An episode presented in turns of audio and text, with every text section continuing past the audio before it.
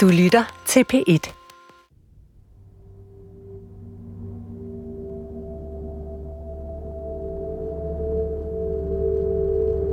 Prøv lige bare først at præsentere dig selv. Jeg hedder Maiken Sten Frederiksen, og jeg er journalist på DR's undersøgende redaktion.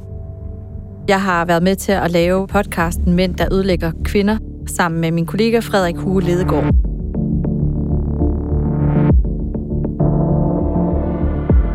Og Maiken, det er jo mere end tre år siden, at den her kilde, en ung mand, som vi kalder Kasper, kommer ind i DR-byen og gør jeg bekendt med, at han har opdaget en stor mængde overgrebsmateriale på nettet.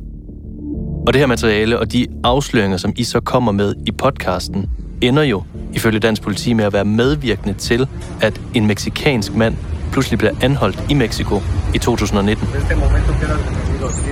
Nu er der så kørt en retssag mod manden i Arizona i USA.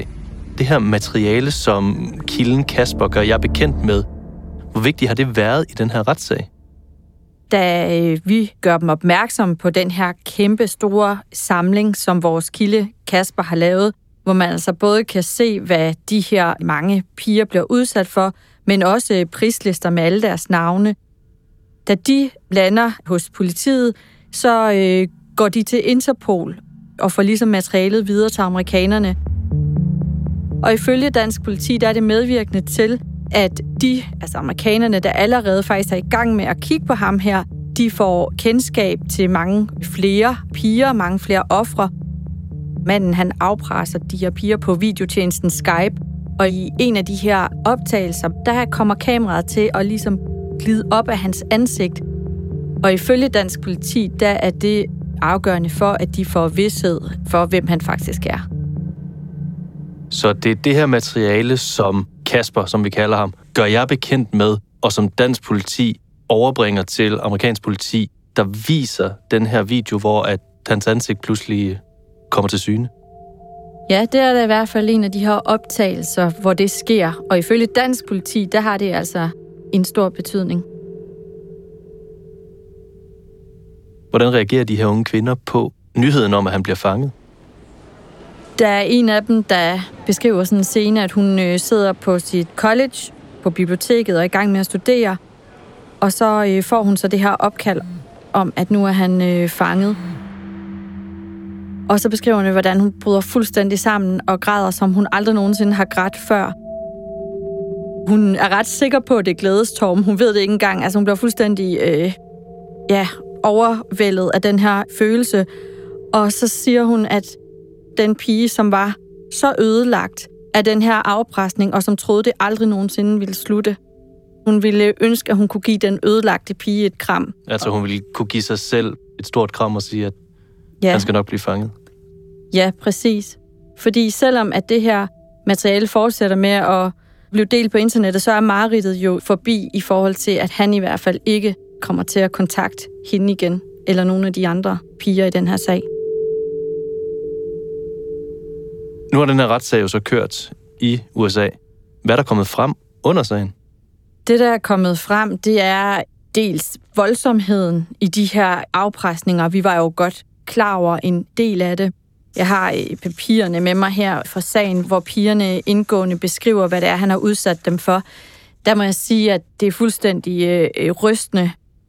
Han har jo taget magten over både øh, børn og unge kvinder og øh, fået dem til at skade sig selv og ydmyge sig selv, og han har ikke alene gjort det, han har også sendt det videre til deres familiemedlemmer, til deres klassekammerater. Han har tjent penge på det på nettet ved at ja, tage magten over de her unge kvinders liv.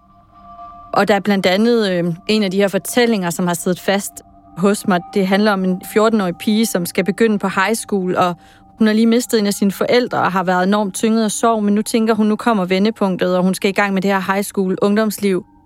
Måske i den her stemning af noget nyt og spændende, så øh, er der en aften øh, en ung fyr, der kontakter hende, og så skriver hun lige præcis den aften, der havde hun sådan lidt en, ja, måske en lidt en overmodig stemning, så hun ender med at sende et billede af sig selv til ham. Det billede, det screenshotter han så fra Snapchat, og så begynder den her afpresning. Så det her år, der skulle have været det her vendepunkt for den her unge kvinde, det ender med at blive øh, ja, et år i helvede. hvor han øh, langsomt tager magten over hende, og hun beskriver det som, hun er ved at drukne i kviksand, og til sidst så opgiver hun modstand. Han overtager hendes krop. En anden ung pige beskriver, hvordan hun om natten bliver afpresset øh, næsten hele natten til at skade sig selv, blandt andet med barberblade. Og så når det bliver morgen, så får han hende så til at tage tøj på, som han bestemmer på i skole. Det er beskrevet på den måde, at han laver sådan en outfit of the day, som er sådan en kendt ting på blandt andet YouTube, hvor influencer tager et eller andet sæt tøj på.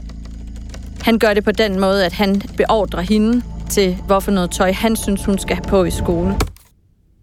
Så det er sådan endnu et tegn på, at det er ham, der har magten, og hun ikke længere har nogen fri vilje. Så det er ikke kun seksuelle handlinger, han tvinger dem til, det er simpelthen at styre hele deres liv. Fuldstændig. Og det er også det, der står her i anklageskriftet, at det er lykkedes ham at tage magten, og det er ligesom det, der har været driveren for ham. Hvad fortæller de her piger om, hvordan de har det i dag? De forklarer, at det har haft ekstreme konsekvenser for dem. Det er alt fra vanskeligheder med at spise, sorg, ekstrem vrede, frygt, angst, depressioner, at de har været selvmordstroede, fået PTSD, tager medicin, og når de øh, skal ud og søge job, så er de fuldstændig angste over det her baggrundstjek, som er jo meget normalt, man laver, når man skal ud og ansætte nye medarbejdere, fordi at de ved, at når der bliver søgt på deres navn, så dukker noget af det her ekstreme afpresningsmateriale op. Det er jo en anden del af det. Det stopper aldrig for dem. Og jeg har selv prøvet at sidde og søge på nogle af navnene. Det er rigtigt nok, der ligger rigtig meget af det her materiale ude på det åbne internet. Det ligger også øh, på porno-hjemmesider og alt muligt andet. Og af samme grund fortæller vi jo faktisk heller ikke, hvad den her gerningsmand hedder. Så de piger her beskriver, at det stopper aldrig for dem. De er bange for at gå ud og søge et job, de er bange for at komme videre med deres liv, og de beskriver også, hvordan de stadigvæk bliver kontaktet af folk, der har set deres materiale, og som også forsøger at, at afpresse dem. Den her meksikanske mand, han sidder jo i retten og overværer alle de her øh, piger og unge kvinder vidne i sagen. Hvordan forholder han sig selv til de mange fortællinger, som de kommer med? Han har vedkendt sig, at han har gjort de her ting. Han har accepteret en straframme på mellem 25 og 35 års fængsel, ligesom han også har accepteret, at han skal få noget uddannelse i forhold til at lære ikke at gøre sådan nogle ting her fremover. Det kan jo lyde lidt skørt, men det er jo noget, som også er en del af det her. Og så forklarer han i retten, at han har haft en hård barndom. Hans forældre blev skilt, da han var øh, 11 år, at han var bange for sin far og sådan nogle ting. Men ifølge anklagemyndigheden er der ikke noget af det, som han er kommet med, som forklarer den ekstreme grad af udnyttelse og overgreb, han har udsat de her mange piger for. Dengang I udkommer med podcasten, der siger en række eksperter, at det er et spørgsmål om tid, før vi kommer til at se de her hurtcore eller afpresningssager i Danmark. Og de får desværre ret. Ja, det må man sige. Altså faktisk det seneste halvandet års tid er der kommet en stribe af sager. Den ene har nærmest afløst den anden som er kæmpe store, altså øh, flere hundrede ofre, og hvor der også har været afpresning i spil. Der har også været hurtcore-lignende ting, altså hvor det ikke kun handler om at få piger og unge kvinder til at gøre seksuelle ting ved sig selv, men hvor der også har den her ting med, at det skal være ydmygende, eller det skal gøre ondt på dem. Og desværre er det jo også sådan, at altså nogle gerningsmænd lader sig inspirere af hinanden på internettet. Og vi har haft et indgående kendskab til den her internationale sag, så vi kan jo se direkte genganger. Så de ting, de danske afpressere forsøger at få ofre til, kan man se, at tidligere udenlandske afpressere har gjort ved deres ofre? Ja, vi kan blandt andet se, at den her gerningsmand, som nu har fået sin dom i USA, at nogle af de ting, han har gjort, minder meget om det, som blandt andet en dansk afpresser, en af de største danske sager herhjemme har fået sine ofre til at gøre. Altså det er utrolige ligheder imellem, hvad det er, han ligesom har fået sine ofre til at gøre. Hvorfor er det, at en amerikansk retssag som den her er vigtig for dansk politi? Den her sag har været vigtig for dansk politi, fordi at dansk politi har kunne hjælpe amerikanerne.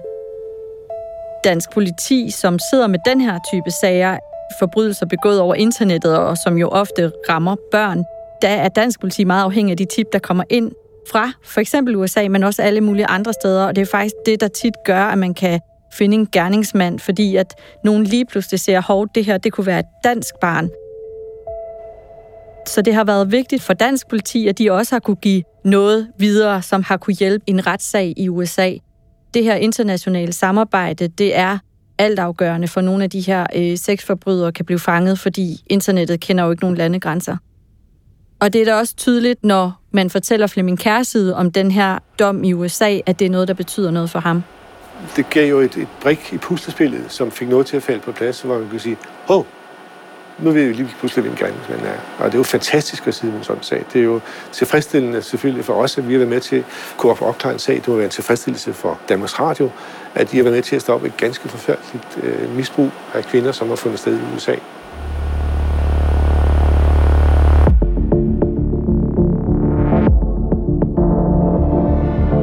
Den her ekstra episode var produceret af mig. Jeg hedder Jens Wittner. Marie Killebæk har klippet og monteret. Og mangler du en ny podcast at lytte til, så vil jeg anbefale dig at finde serien De 169 piger, der netop handler om en af Danmarks største afpresningssager.